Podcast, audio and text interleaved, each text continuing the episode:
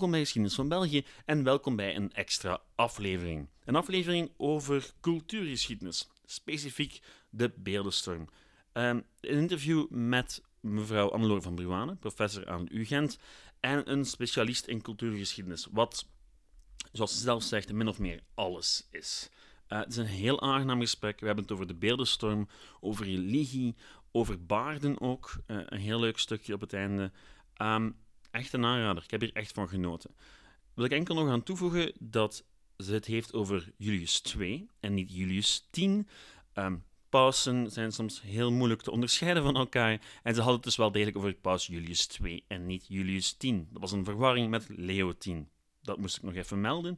De audio is ook niet super. Um, mijn excuses daarvoor. Ik heb ondertussen nieuwe microfoons aangeschaft, dus het zal echt niet meer gebeuren. Ook niet in interviews. Maar kijk, uh, deze is nog van een iets mindere kwaliteit. En dat is het zowat. Hartelijk bedankt aan mevrouw Van Bruane. En voilà. Veel plezier. Ciao. Geniet ervan. Ciao.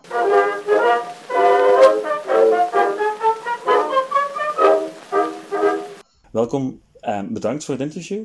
Ik ga met de deur in huis vallen, omdat ik weet dat voor veel van mijn luisteraars de term cultuurgeschiedenis ze zullen er wel van gehoord hebben, maar het zal altijd een abstract ding zijn. Dus wat is cultuurgeschiedenis en waarom is dat belangrijk? cultuurgeschiedenis is eigenlijk alles. maar dat zullen de mensen die sociale geschiedenis doen ook zeggen, hè, dat sociale geschiedenis alles is. Um, het heeft te maken met, met eigenlijk de vraag ja, hoe mensen leefden vroeger, maar vooral ook hoe, hoe ze dachten, hoe ze handelden, uh, welke gebruiken uh, die ze kenden en het waarom daarvan. Hè, het proberen verklaren van het gedrag en de denkpatronen van, van de mensen in het verleden. Ja, je kunt u afvragen waarom is dat uh, belangrijk? waarom moeten we dat weten? Um, enerzijds is natuurlijk zoals alles, hè, zoals filosofie en, en kunst en, enzovoort, kan je zeggen van oké, dat is niet belangrijk, want het doet niet, het doet geen machinewerken of zo. Um, maar ik denk dat het wel tot de fundamentele vragen behoort hè, van het mens zijn. Hè. Waar komen we vandaan? Dan dat de vragen zijn, wie zijn we en waar gaan we naartoe? Hè? Maar de, de eerste vraag is mhm. natuurlijk wel, waar komen we vandaan? Uh, en allee, persoonlijk vind ik, door aan cultuurgeschiedenis te doen, dat ik veel genuanceerder naar de wereld van vandaag kan kijken, wat er bij ons gebeurt, maar ook uh, ja, elders, dat je dat kan begrijpen. Hè? Dus dat je, hoe vreemd en, en, en vreselijk dat de handelingen van mensen soms zijn, of de daden van mensen soms zijn, je kan ze wel begrijpen. En dat denk ik is de rol van cultuurgeschiedenis. De zoektocht naar het grote waarom. Maar het grote, nee, Niet het kleine, het kleine, het kleine waarom.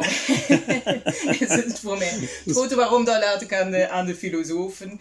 Uh, daar doe ik niet aan. Nee, het kleine waarom. Waarom gewoon een, een, een eenvoudige man, vrouw doet wat hij doet of zij doet en, en waardoor zij gedreven worden, mm dagdagelijks. Dat is eigenlijk de vraag. Het is eigenlijk min of meer waarom ik van geschiedenis hou, die, die korte samenvatting.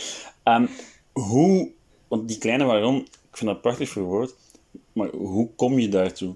Hoe kan je in, in, de, in het hoofd kruipen van iemand die, die 500, 600 jaar geleden of langer is? Hoe doe je dat?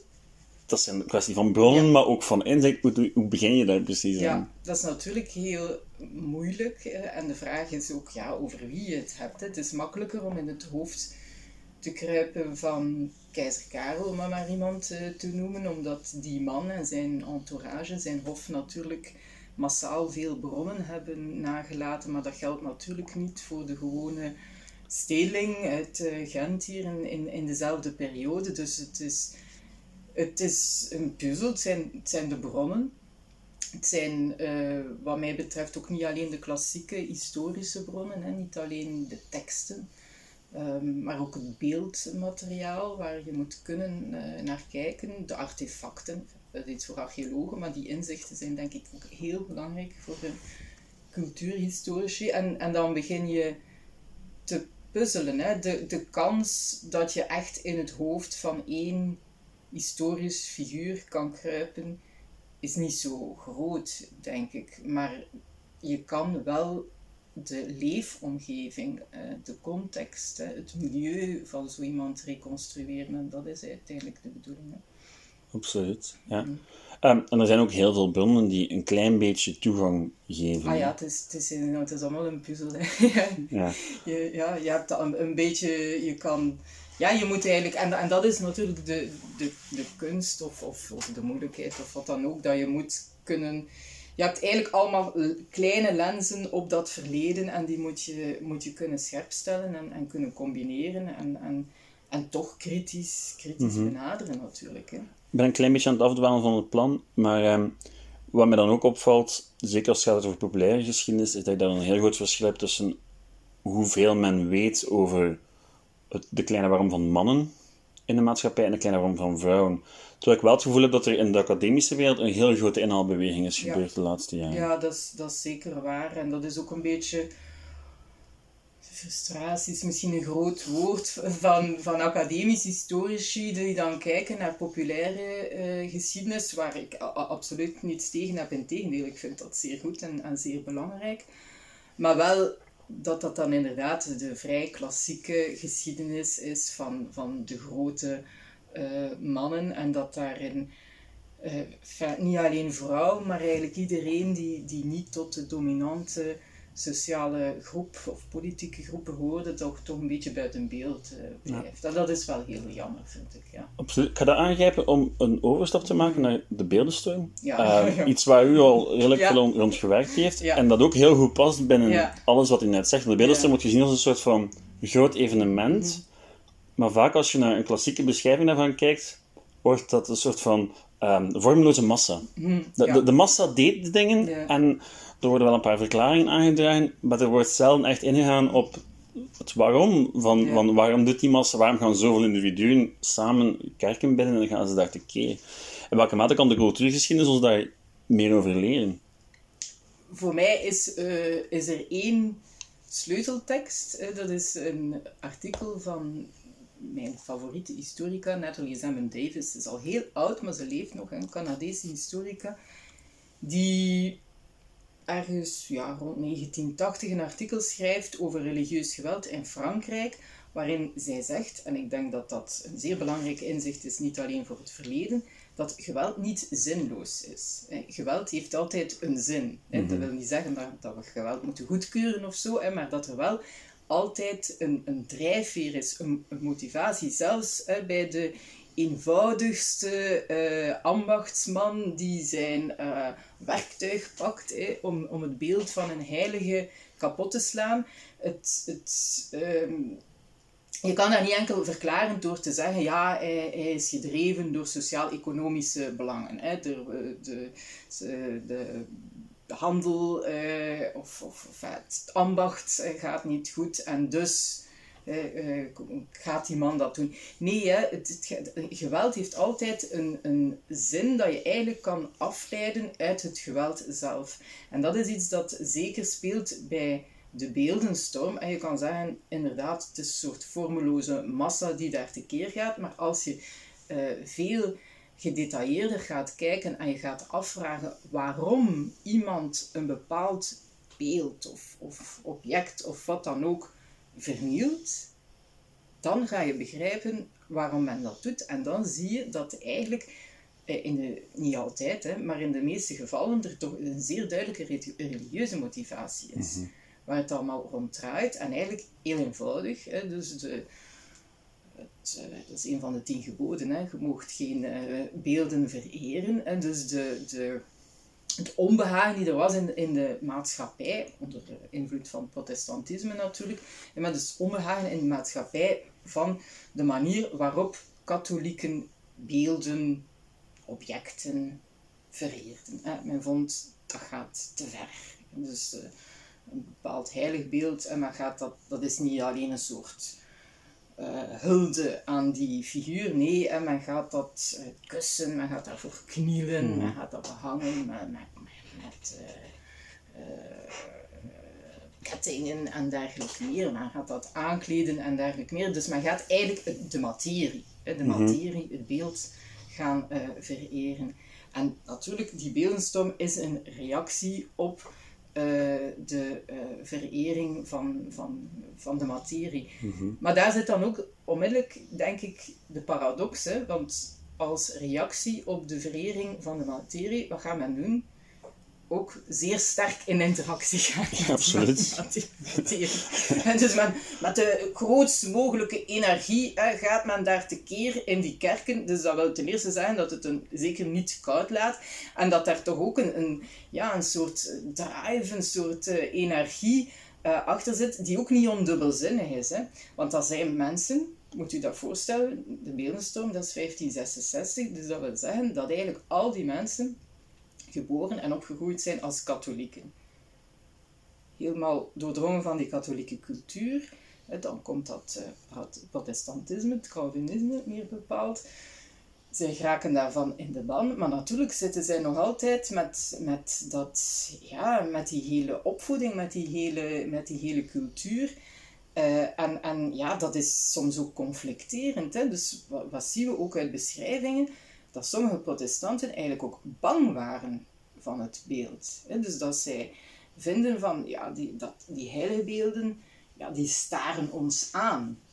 Terwijl dat ze natuurlijk als protestanten zouden moeten zeggen, ja, het is maar een beeld, dat, dat doet niets. Maar toch hebben zij dat gevoel, wat doen zij? Zij gaan daar naartoe en krassen die, die ogen uit, zodat die beelden hen niet zouden kunnen mhm. aankijken. Dus je zit dus in een, in een soort, ja, moment van zeer conflicterende emoties, um, opvattingen, um, allemaal religieus, hè, in die religieuze sfeer, maar wel, waar wel heel gewone mensen ook heel, ja, heel erg uh, in betrokken zijn. Absoluut. Wat mij, een van de zaken die mij het meest intrigeert, dus de beeldenstorm is van de duidelijkste voorbeelden van iconoclasme, en zeker hier in de Lage mhm. Landen. Maar je vindt voorbeelden overal. Ik was op vakantie in, in Macedonië paar orthodoxe kloosters onderzocht, uh, bezocht. en ook daar die uitgekaste ja. ogen die je net beschrijft, dat vind je overal. Je hebt, je hebt zoveel voorbeelden, de Taliban die, die Boeddha-beelden opblaast. Het is iets dat heel vaak terugkomt. Ja, dat is, ook, dat is iets universeels. Hè. Dat is trouwens ook niet alleen in de culturen van het boek, zoals men dat noemt, dat is ook daarbuiten. Er is ook een klassiek boek, David Friedberg, dat is een mhm. eh, kunsthistoricus. Die, de titel zegt het al, The Power of Images, die eigenlijk aangeeft van in alle culturen is er zoiets als een soort, ja, een geconflicteerde relatie met, met beeld en met uh, materie. Waarbij dus eigenlijk elke keer opnieuw die vraag wordt gesteld van, oké, we hebben een, een, godheid in welke vorm dan ook. Hè. Maar hoe moeten we die godheid vereren? En kunnen we daar niet te ver in gaan? Mm -hmm. Byzantijns iconoclasme is daar natuurlijk een zeer hè, klassiek voorbeeld uh, van. Maar ja, zoals u ook zelf zegt, hè, vandaag de dag, yes, Taliban, uh, zien we hetzelfde uh, in, in de islam. Maar ook daarbuiten zijn er zeker voorbeelden te geven van religieus iconoclasme. Nog um, eens over die, over die. Um, er wordt in de hedendaagse historiografie wordt er wel vaak gebabbeld over ook sociale oorzaken. En in welke mate, u, u, koos heel direct voor de religieuze, in welke mate zit die balans volgens u? Ja, die, die, ten, dat staat niet los van elkaar. Hè? Want dat is natuurlijk, je moet ook, voor ons is, is religie en, en theologie, dat lijkt zoiets uh, ja, dat boven alles zweeft. Hè? Uh, in, in die periode, ja, iedereen is religieus, hè? dus dat is allemaal intens met elkaar uh, verbonden, het sociale uh, en het religieuze. En je kan niet ontkennen dat dat een periode is met uh, sociale, economische, politiek uiteraard ook problemen. Dus dat dat daar zeker een rol in speelt. Maar men heeft een tijd gedacht van, kijk, de beeldenstorm dat begint in de Westhoek. De Westhoek kent een grote economische crisis. Hè. Dus dat was daar uh, uh, lakenindustrie ook. Hè. Dus kent een grote uh, economische crisis rond dat moment. Dus de verklaring is, mensen komen in opstand omwille van verslechterde werkomstandigheden en zelfs hongersnood. Maar als je daar preciezer naar gaat kijken, dan, dan gaat dat niet op. Dat wil, wil niet zeggen dat dat niet in sommige gevallen kan zijn. Mm Want natuurlijk, de geschiedenis is, is, er, is nooit de, de grote verklaring voor alles is er nooit. Dus er kan een heel groot verschil zijn uh, tussen beeldenstormers uh, in Gent en in Antwerpen en in, in Yper bijvoorbeeld. Hè. Maar eh, als je gaat kijken naar uh, beschrijvingen van de beeldenstorm, en gelukkig hebben we die, dan zie je toch eh, dat die, de meeste van die beeldenstormers toch wel echt wel door religieuze motieven gedreven zijn. En dat, mhm. dat is ook wat ik van Davis geleerd heb. Als mensen zeggen mijn motief was religieus, ja, dan moet je dat serieus nemen. Dan moet je niet zijn als mhm. historicus, ja, ja, ja, maar dat is een soort vals bewustzijn. Daaronder zit er een, eh, een sociaal-economische grond. Ja, die, die, die speelt ook mee, hè, maar je moet de, mhm. de actoren van het religieuze geweld wel altijd serieus nemen. Is het ook niet in grote mate omdat religie voor de hedendaagse mens gelovig of niet gelovig op een heel andere manier beleefd wordt dan in de middeleeuwen. Het is, het is een heel groot contrast, denk ik, tussen hoe dat deel was van de eigen identiteit en, en van de eigen wereld en alles bepaalde. Terwijl nu, mensen zijn nog altijd katholiek vaak, maar dat is op een, wordt op een heel andere manier beleefd. Ja, dus je leeft in een tijd ten eerste waar je niet buiten de religie kan. Atheïsme, uh, het voorbeeld van Baruch de Spinoza, maar dat is al eind 17e eeuw. Uh, en dat was dan nog zo, ja, atheïsme, ja, God is een natuurkracht, hè, dus heel graaf atheïsme noem ik dat. Uh, dat was ondenkbaar. Dus iedereen gelooft in God. De vraag is, hè, hoe geloof je in God? En, en, en dat, dat dat is essentieel in, in je leven. Hè. De vraag van, ga ik in de hemel komen? Ja, dat is de fundamentele uh, vraag voor iedereen. Uh, hoe leef ik een, een goed leven hier? Een moreel goed leven hier, dat is een fundamentele uh, vraag. Dus inderdaad, dat is zeer moeilijk te begrijpen, denk ik, voor mensen vandaag. Bovendien denk ik dat we door onze grootouders, maar ook door de te veel aan Vlaamse films dat we waarschijnlijk bekeken hebben, het soort beeld hebben van het katholicisme met meneer Pastoor op, op de kansel, die zegt wat je moet doen en laten. Nu, dat is natuurlijk niet het katholicisme van, van de 15e, 16e eeuw. Dat is het katholicisme van de 19e, 20e eeuw, wat natuurlijk ook heel, heel specifiek is.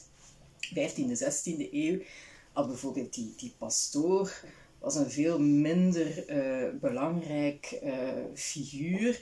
Uh, en had je eigenlijk nog een, een, een, ja, hoe moet ik dat zeggen, een, een bijna een religie à la carte. Hè. Iedereen kon wel ergens zijn of, of haar um, ja, goesting bijna vinden in een, soort, in een type broederschap of een processie of een bedevaart of juist heel, heel, heel weinig. Al, alles, er kon veel meer. Er, het laat-middeleeuwse katholicisme was zeer open. Waardoor je, dat je eigenlijk een beetje naar la carte kon kiezen wat bij jou uh, paste. Komt onder druk in die periode van de beeldenstorm natuurlijk, omdat die protestanten daar wel uh, commentaar op geven en zeggen van ja, dat is, eh, dat is hier bijna de markteconomie. Iedereen kiest, iedereen kiest maar. Uh, uh, en het steekt allemaal niet al, te, al te nauw, terwijl de protestanten natuurlijk een, een, een veel strenger christendom voor stonden, waarbij ook veel meer de, of toch in de latere fase veel meer de nadruk op de moraal en dergelijke meer komt te liggen. Mm absoluut. Ja, het is, het is een heel fascinerend aspect dat religie daarin speelt. En ook, ik gebruik wel af en toe de, de veel, te, veel te veel gebruikte quote, the past is a foreign country. En ik denk dat dat religieuze aspect, dat dat echt een van de zaken is die wij het moeilijkste kunnen mhm. begrijpen. En waar, waar wij het ons het moeilijkste kunnen inbeelden. Waar dat het goddelijke overal is en ook alles bepaalt wat je mee, wat je mee doet, mhm. natuurlijk. Um, en dat vind ik heel moeilijk om, om, om inzicht in te krijgen, krijgen, omdat je heel vaak enkel met, met, met theologische teksten kunt gaan werken. Of enkel met...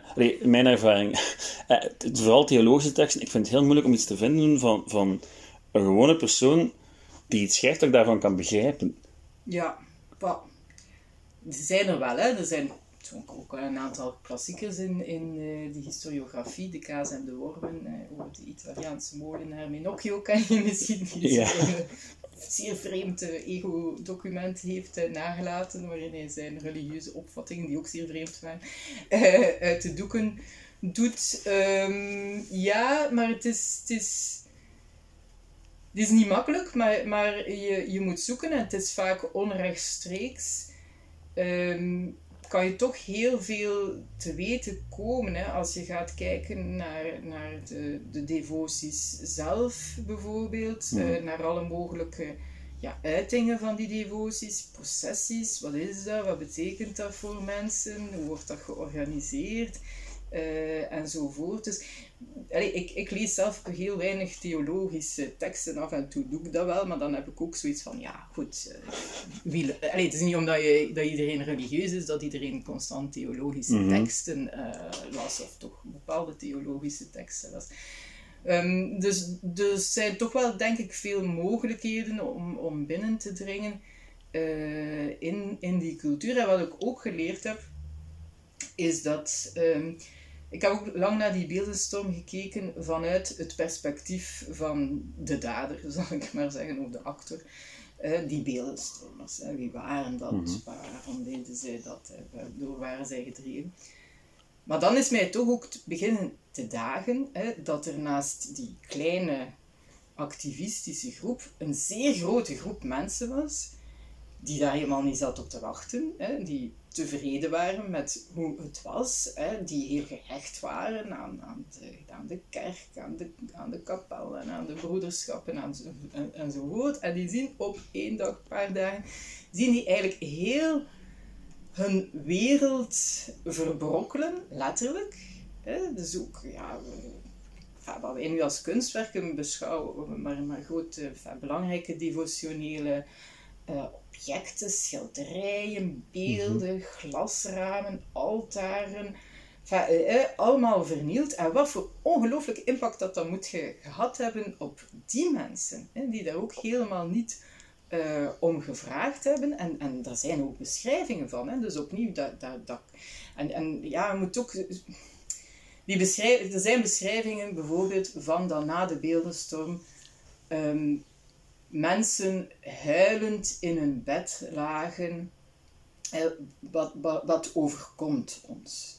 Nu, je moet die beschrijving altijd met een korreltje zout. Hè. Dus dat is ook een vorm van retoriek in. Hè. Dat is ook een verhaal dat Philips II, dat hij, dat hij onmiddellijk ziek gevallen is toen hij dat hoorde enzovoort. Dus daar zit wel een zekere retoriek in, dat is een verhaal, maar tegelijkertijd zit daar ook veel waarheid in. Hè, van mensen die, die, ja, die het ook gewoon niet meer wisten. Hè, wat, wat, gebeurt er hier? Dus op die, als je door die verhalen, of door die retoriek kan dringen, kan je toch ook veel van, van, van hun leefwereld uh, naar boven halen. En begrijp je bijvoorbeeld ook waarom het, het strenge contra-reformatorische katholicisme, dat iets helemaal nieuws was, hè, eh, waarom dat eigenlijk een zeer gemakkelijk ingang heeft gevonden in onze regio. Hè, omdat de mensen ja, eh, hopeloos bijna waren. Hè. Het was ook die Nederlandse opstand en iets hadden van oké. Eh, laat ons maar een sterke kerk terug, uh, terug omarmen. En laat ons meneer Pastoor omarmen, hè, want dat wordt dan wel een belangrijk uh, figuur. En laat ons uh, braaf in de pas lopen, als dat maar betekent dat we vrede en, en rust krijgen. Je moet ook denken naar bepaalde dingen die vandaag gebeuren en dat, dat daar wel parallellen te trekken zijn. Ja, absoluut.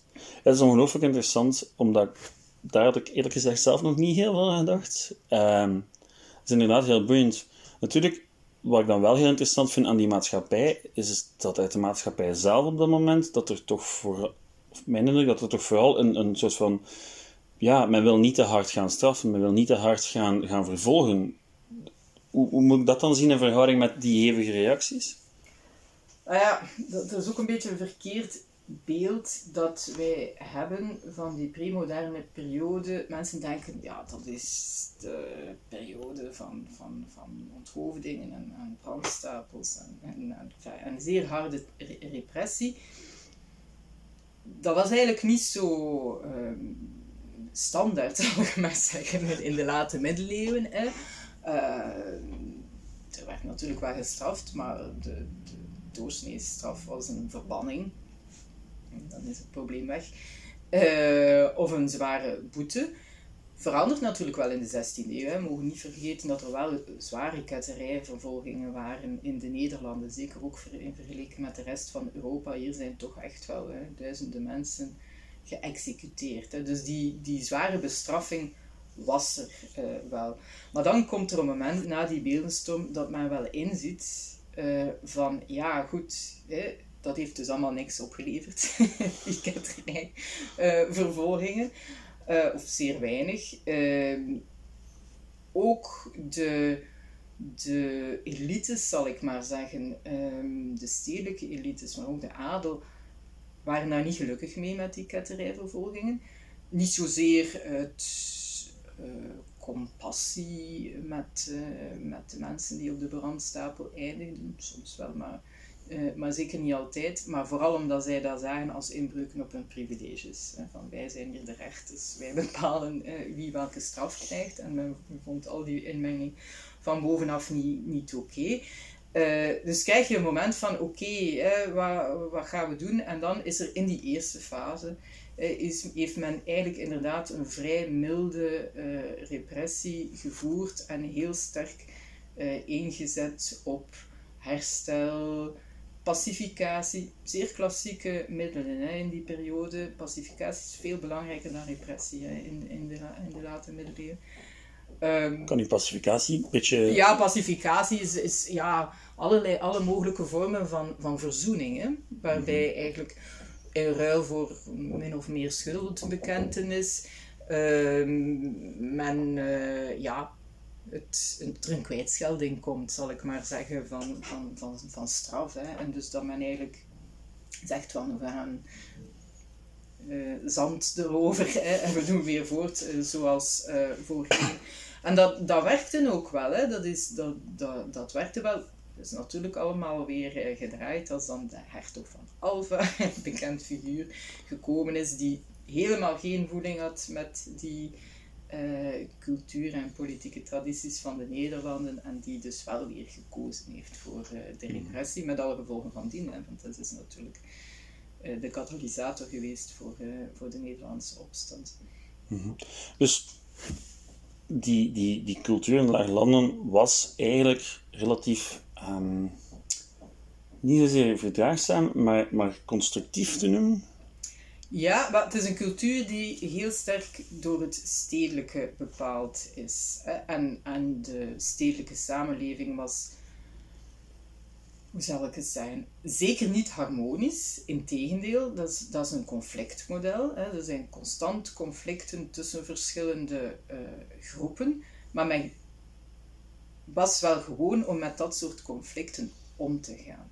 En men wist ook wel, op een gegeven moment moet een conflict bijgelegd worden en moeten we weer overgaan uh, tot de orde van, uh, van de dag. Dat is totaal iets anders dan verdraagzaamheid. Hè. Daar, daar gaat het helemaal niet over. Hè. Maar mhm. het gaat over het uh, constante bemiddelen van, van, van conflicten en, en, en het ritueel gaan bijleggen enzovoort. En dan, uh, dan mhm. gaan we weer voort tot aan het volgende conflict, uiteraard. Hè? Maar dat, dat is het model. Want als je naar de geschiedenis van, van, van Gent bijvoorbeeld kijkt, die stadsklans die met elkaar, ik denk dan vooral aan de Berlitz en de, de, de Klan van Sint-Baafs, die, die verhalen en die moorden op klaarlichte dag, dat is waarschijnlijk een beetje overdreven geweest, maar, maar toch, dat was duidelijk wel iets dat uiteindelijk afgehandeld is maar dat wel decennia heeft aangesleept. Ja, maar dat zitten we natuurlijk wel een pad hoger. Hè? Ja. Want dat is, uh, dat is 13e, eh, 14e eeuw. En eigenlijk vanaf het moment dat Gent een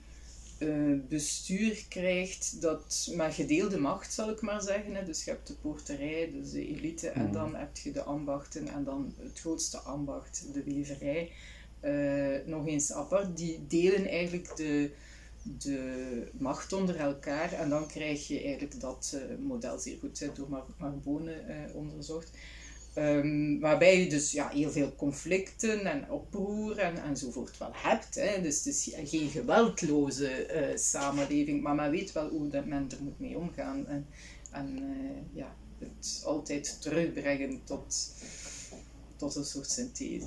Een synthese en eigenlijk een manier om de, ja, de dagelijkse gang der zaken te laten gaan en vooral ook de handel en de nijverheid te laten verder functioneren, die zo belangrijk was voor het bestaan van die stad. Ja, absoluut, absoluut, ja. En dat is ook de manier waar men dan met die, die beeldenstorm denkt men ook van uh, ja goed, dit is nu gebeurd, maar uh, we moeten verder gaan en, en wat is de beste strategie? Uh, heel veel pardon verlenen, de kerken zo snel mogelijk weer opbouwen. enfin, de kerken stonden wel, maar de, de interieurs weer opbouwen en, en weer overgaan tot de orde van de dag. Het is niet gelukt natuurlijk, hè, maar dat was wel de bedoeling. Ja. In welke mate is die, die stedelijke cultuur van de lage landen, waar we dan over babbelen, in welke mate was die uniek in, in Europa? Of ja, toch, in mijn ogen toch redelijk uniek, omdat je natuurlijk in de Nederlanden, ten eerste heb je hele grote steden en je hebt eigenlijk twee, eh, in die periode twee grote stedelijke kernen in Europa. Dat, is, eh, zijn de Nederlanden, vooral de zuidelijke Nederlanden in die periode, en dan Noord-Italië. Um, maar Noord-Italië is toch een beetje anders, alleen al omdat de geografie anders is. Hè? Firenze, en Venetië, ja, dat zijn stadseilanden, dat zijn stadstaten, en die, die ook heel erg dominant zijn over het uh, omliggende uh, platteland. Hè, dus die toch een, een, een ander model voorstaan. De rest van, van Europa, je hebt natuurlijk grote steden, je hebt Parijs en zo, maar Parijs is ongelooflijk dominant tot op de dag van vandaag over de rest van Frankrijk. Dus het is een heel ander model, terwijl dat je in de Nederlanden zit met heel veel uh, grote, maar vooral ook kleine steden die dicht bij elkaar uh, liggen. De toegankelijkheid is goed, de mobiliteit is goed. Uh, dus er is echt een, een stedelijk netwerk dat, is, dat zich economisch, maar politiek ook in, in evenwicht houdt. Mm. En dat model dat zal blijven in de zuidelijke Nederlanden, um, maar zeker ook in de republiek hè, zal, dat, zal dat voortleven. Hè. Ja, dat wordt eigenlijk een republiek die door die steden wordt uh, bestuurd. Hè. Natuurlijk ook omdat de cultuur eigenlijk meekomt vanuit het zuiden naar het noorden op het van, van de migratiestroom. Ja, absoluut, ja, absoluut. En, en dan ja, in, in, die, in, in het noorden heb je dan ook nog, ja, liggen die steden, die stadjes nog dichter bij elkaar, dus heb je nog veel meer dat, uh, dat model dat dan dat dan later weliswaar tot, uh, tot ontwikkeling uh, komt. Absoluut. Ik vind het een ongelooflijk boeiende mengeling van dingen waar je zich in gespecialiseerd hebt. Als ik de bibliografie ook, ook, ook zo overliep, dan dat stedelijke, die stedelijke -hmm. cultuur, maar dan ook die, dat religieuze. Het, maar het is wel allemaal met elkaar verbonden. Ah, wel ja, dat denk ik. Ja, het is niet alsof dat ik dan denk van, nu ga ik een keer... Dit doet, alles vloeit uit elkaar voort. Ik geef ook geschiedenis van de Nederlanden. Ik doe dat geweldig graag, maar dat gaat ook over van alles en, en nog wat. Hè. Dus dan, dan ja, dan, kom je, dan verzeil je daar uh, sowieso ook, uh, ook uh, wel in. En er is uiteraard hier in Gent een zeer sterke traditie in stadsgeschiedenis, stadsgeschiedenis van, van de late middeleeuwen. Ik ben ook als medievist begonnen, nu werk ik meer over de, op de 16e eeuw. Maar dat was toch wel vooral politieke en, en sociaal-economische stadsgeschiedenis. Dus ik heb wel wat moeten vechten in het begin voor dat uh, culturele en zeker voor het religieuze. Dat uh, snapten sommige collega's niet zo goed. Wij zijn toch de UGent, wij zijn toch niet de KU Leuven. maar enfin, gaandeweg hebben ze wel begrepen dat dit de bedoeling was. Of de klassieke uh, ja, kerkgeschiedenis, kerkgeschiedenis heeft te gaan uh, ontwikkelen. Maar het, vloeit ook, het vloeit ook zo in elkaar over dat je, alleen, het totaalbeeld is onmogelijk, maar het vloeit zo in elkaar over dat het inderdaad echt een meerwaarde is om alles even te aan te toetsen en te kijken hoe die zaken op elkaar inwerken. En dat vind ik heel leuk om te zien in uw werk. Um, nog een laatste dingetje, eerder een soort van extraatje, want in mijn uh, klein onderzoek naar u heb ik ook de video van de Universiteit van Vlaanderen gevonden over de baard. Ik vond dat fantastisch. De link staat sowieso in de beschrijving voor de luisteraars. Um, maar ik wil toch even kort voor mezelf. Uh, wat vertelt een baard ons? Ja, de baard, ja. Een baard uh, vertelt veel. Hè? Ik ben daar eigenlijk ooit op gekomen door um, een van mijn lessen die over mannelijkheid gaat. En toen las ik een artikel van een Amerikaanse literatuurhistoricus, denk ik. Een beetje een, bizar artikel, maar het interessante was dat hij zei van op alle portretten uit de renaissance hebben mannen een baard. Ja, het eerste wat ik dan doe is gaan kijken, is dat effectief Ik zit echt al te denken van, van ja. zijn zo geen baardloze priesters of ergens? Ja, wel, ja. En dus dat, dat, is het eerste, als ik zoiets lees, denk ik, ja, oké, dan moet ik uh, checken. Uh, en dan kom ik er inderdaad op uit dat het natuurlijk wel een, wat genuanceerder verhaal is. Hè. Dus dat eigenlijk is het zo dat alle mannen van de elite, zal ik maar zeggen, in die tijd een baard hadden. En, dus met, bij priesters is het iets gecompliceerder. En, en als je ziet van mannen van lagere stand hadden vaak geen baard. Dus dan denk ik direct, ah ja, oké, dat is interessant, want dan gaat het natuurlijk over een soort ja, sociaal kenmerk. Uh, en je ziet ook, uh, want ik heb er ondertussen inderdaad al veel meer in verdiept, dat die baard effectief opkomt in de jaren 1520, 1530. Dan denk ik van, ja, waar komt dat vandaan? In de middeleeuwen hebben de meeste mannen geen baard en opeens wel. Je kan zeggen, dat is een mode, hè, maar natuurlijk, een mode vertelt ook heel veel hè, uh, ja, over de identiteit uh, van de mensen. Hè. En dus die baard staat, of stond, hè, zeer duidelijk voor mannelijke waarden, hè, zoals de, de, de volwassen man van stand en die staat voor wijsheid en, standvastigheid en al die humanistische vooral waarden en die zeer belangrijk zijn uh, in, in die uh, periode.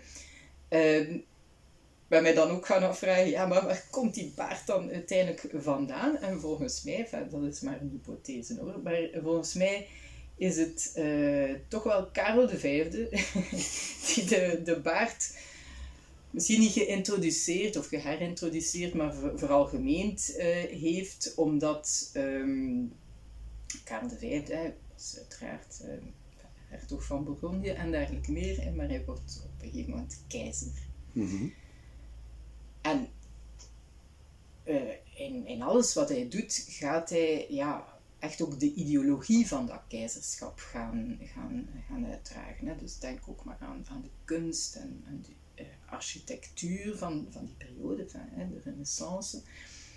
Uh, maar die baard hè, is waarschijnlijk ook een verwijzing naar die Romeinse keizers. Een deel, niet alle Romeinse keizers voor de duidelijkheid, maar de latere Romeinse keizers hadden, hadden, ook, een, hadden ook een baard.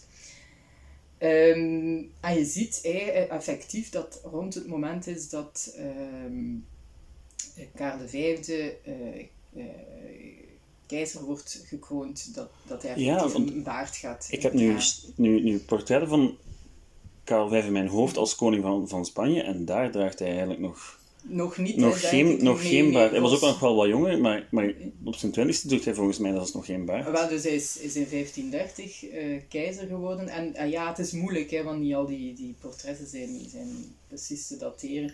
Maar het is rond uh, die tijd te situeren. Nu, het, enfin, het beetje paradoxale aan het verhaal is, is dat eigenlijk de paus, de Karel V, vooraf gaat. En dat is vooral paradoxaal, omdat volgens het kanoniek recht een geestelijke geen baard mag dragen. En in, in uh, de middeleeuwen werd daar zeer sterk aan gehouden. Je had natuurlijk ook de tonsuur, hè, dus de kruinschering, als ja, onderscheidend teken van de geestelijkheid. En wat zie je, dat begin van, van de 16e eeuw uh, er opeens pausen met baarden zijn. Nu, die baarden hadden opnieuw een zeer uh, specifieke betekenis, uh, want dat waren rouwbaarden. Ik ben even de naam van de, van de Clemens de zevende en, en Julius de tiende, denk ik, maar ik ben niet 100% zeker. Die droegen een rouwbaard, de ene omwille van het verlies van, van, van um, van Bologna, de andere omwille van de Sacco di Roma. En dus eigenlijk om te uit te drukken dat ze intens verdrietig waren en dat ze zichzelf daarom compleet verwaarloosden en een baard lieten groeien. Dus de, de, de baard als een, een politiek statement. Maar Clemens VII scheert wel zijn baard nooit meer uh, af. En wat zie je? Dat al de uh, uh, pauzen na hem ook een baard hebben. Omdat dat ondertussen mode is geworden hè, onder de, de elite. Niet zonder slag of stoot, hè, want er bestaan traktaten van, van, van onder andere Carlo Borromeo, bekende Milanese kardinaal, zo een van de voorvechters mm van de contra-reformatie. Was dat de man die de kribbe had uitgevonden? Zo gezegd, de, de, de, zou hij de biechtstoel hebben uitgevonden, maar ja, dat is een beetje, dat is niet helemaal waar. Maar goed, dat was, voor hem was dat een groot probleem, dat al die geestelijke met paarden, dus die gaat er dan over Dus er bestaan echt traktaten over de vraag, mag een geestelijke een baard dragen of niet? Dat, dat lijkt voor ons misschien ja, compleet absurd, maar dat geeft aan hè, hoe dat ten eerste natuurlijk dat, dat die baard een teken van mannelijkheid is, maar vooral van een, bepaald soort uh, mannelijkheid en van een bepaald soort uh, mannelijke uh, waarden. En dat is natuurlijk doorheen de geschiedenis zo, hè, want ehm, er is ook veel geschreven over de, de Victoriaanse baard bijvoorbeeld. Hè. Dan zitten we in de 19e eeuw. En dan ja, het is uiteraard nog altijd een, een, teken van mannelijkheid, maar dat ging dan meer over avontuurlijkheid. Zo, Darwin had een zeer grote Floyd, dat een grote baard. Dus zo het, het onstuimige bijna. Iets wat dan in de renaissance men verschrikkelijk zou gevonden hebben. Je man moest standvastig zijn en, en, niet te avontuurlijk. Ja, en vandaag de dag ja, ziet je die baard natuurlijk ook in zeer uit, uiteenlopende contexten. Hè. Bij de Taliban bijvoorbeeld is dat natuurlijk al, nog altijd ook een teken van de diepe religieuze man hè, die zich aan de voorschriften van de Koran houdt. Terwijl dat je dan de hipsterbaard, en die is ook al een beetje weer uit de mode zeker. Maar goed, die, die dan ook hè, weer helemaal, helemaal iets anders uitdrukt. Dus het is een teken van mannelijkheid, maar in verschillende contexten kan het helemaal ja, andere mannelijke waarden eh, in zich dragen. En dat maakt het een leuk onderwerp. Het is een perfect voorbeeld van wat cultuurgeschiedenis ja, is. Hè? het, is uh, het is een fantastisch mm-hmm. voorbeeld. Goed, mevrouw Van Bruane, heel erg bedankt. Ik, uh, ik voel me bijna terug in de les. Dus, ja, ik kijk er ook enorm naar uit om terug les te mogen Ik kan me voorstellen. Mensen, voor echte mensen, Ik kan me voorstellen. Maar je was vroeger ook altijd al een van de meer uh, geambieerde... dat is meer aangenaam om bij u in de les te zijn. Dank u, dat, dank u. Dat apprecieer ik, ja. En dat was het interview met mevrouw Van Bruwane. Met al uw opmerkingen, feedback, suggesties kan u zoals altijd terecht bij geschiedenisvan.outlook.be of de Facebookgroep Geschiedenis van België. Um, daar kan u altijd zeggen wat u ervan denkt en uw suggesties geven en dergelijke. Bedankt voor het luisteren en hopelijk tot volgende week. Ciao!